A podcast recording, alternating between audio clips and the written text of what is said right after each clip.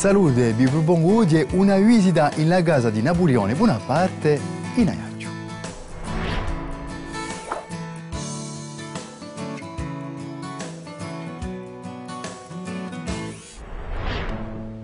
La casa che voi vedete qui è la casa nativa di Napoleone Bonaparte. Il secondo di l'otto fiori di Gallo Maria Bonaparte e Letizia Ramorino. Napoleone nasce il 15 agosto di 1769. Ma prima di parlare di Napoleone e di Aso Casanativa, chi faceva al museo, ci vuole parlare un po' di storia di città d'Ajaccio. A principio, Ajaccio è una città fortificata fondata dai genuesi in 1492. Se la si sviluppa Ajaccio è per via di posizione assegnalata di uso sidu a mezzo a un golfo, bello brudetto. Al XVI secolo i Bonaparte principiano a rudunarsi in Ajaccio. Un'epoca di famiglia iacine sono in brama di prestigio ed onori e si contrastano il potere locale. Così sarà per i Bonaparte e i Pozzo di Borgo. A Zidelina Gorsa di Napoleone ha lasciato la sua stampa e la sua personalità. Anche se lo si lasciò a Corsica all'età di 9 anni per fare i suoi studi, a sua zitellina Napoleone a passò in questa casa. Affianca un babbo struito e garbato, ma poco presente, e soprattutto affianca una mamma affezionata e siveria che gli dà il gusto di udere e di giustizia. Con ella, il giovane Napoleone impara le regole di udere, usando di un risparo e un rispetto dell'autorità.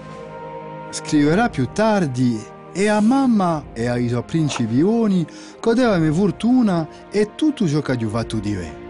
La sua educazione e il contesto politico di Ziderina Corsa di Napoleone avranno di sicuro lasciato la sua stampa, la sua personalità. Questo aspetto qui ci permette di capire meglio la sua indiatura militare e politica in quei tempi tribulati di a fine del XVIII secolo. Si può dire che Napoleone ha avuto un destino senza paragone. Napoleone lascia dunque la sua famiglia all'età di 9 anni. Parte in continente francese per studiare al collegio po a scuola militare di Brienne, in cui ognuno conosce la sua maniera accanita di lavorare e il suo carattere solitario. Con là riceve una prima formazione e impara davvero a parlare francese. Si conosce dopo un percorso famoso di un uomo che diventò militare di carriera che si faceva in Italia e in Egitto prima di fare politica. Fece la conquista di maggior parte dell'Europa e fu incoronato imperatore di francese il 2 di dicembre di 1802. Passiamo ora alla descrizione di casa nativa di Napoleone. Luogo di culto a casa nativa di Napoleone le da il XIX secolo quando la apria per la prima volta. Ma da 1967 è di nuovo un museo che riceve tutti gli anni migliaia di visitatori, ognuno in cerca di Asoia, a verità. Entriamo a bere ciò che si passa in Trento. Ecco la camera nativa di Napoleone. Secondo la tradizione, Napoleone sarebbe nato qui in questa camera, quella di mamma il 15 agosto di 1769. Da prima metà del XIX secolo parecchie personalità hanno visitato questa camera. Per indetto l'imperatore Napoleone III e l'imperatrice Eugenia nel 1860.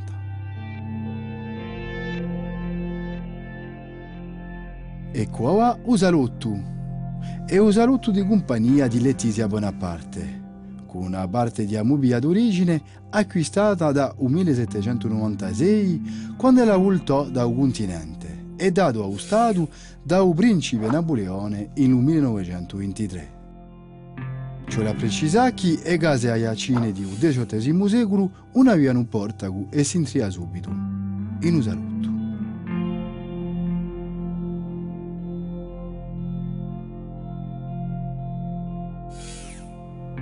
ora alla camera detta di l'alcova.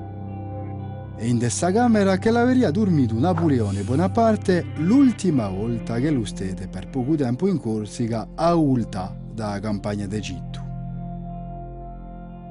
Sabezza ha particolarità di aver tenuto una parte di tramizzani di legno che giocavano al XVIII secolo da spiccare stanze. Come l'erano famiglione che stavano in la casa, ogni piano ciuglia scompartero in parecchi appartamenti.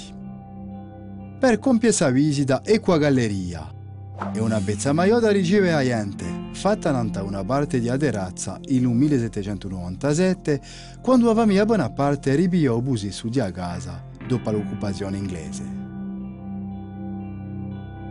Casa nativa di un uomo con destino senza baru, a casa Bonaparte è diventata un luogo di memoria.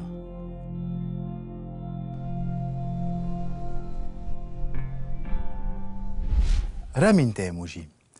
Napoleone ha avuto un destino senza paragone. Ha campato poco tempo in Corsica, ma a sua zidellina ha lagato stampe in sua personalità. A presto.